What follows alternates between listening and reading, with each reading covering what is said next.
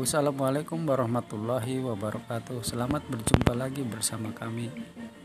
Pada kesempatan pagi hari ini, kami akan mempelajari modul TIK, Teknologi Informatika Komputer.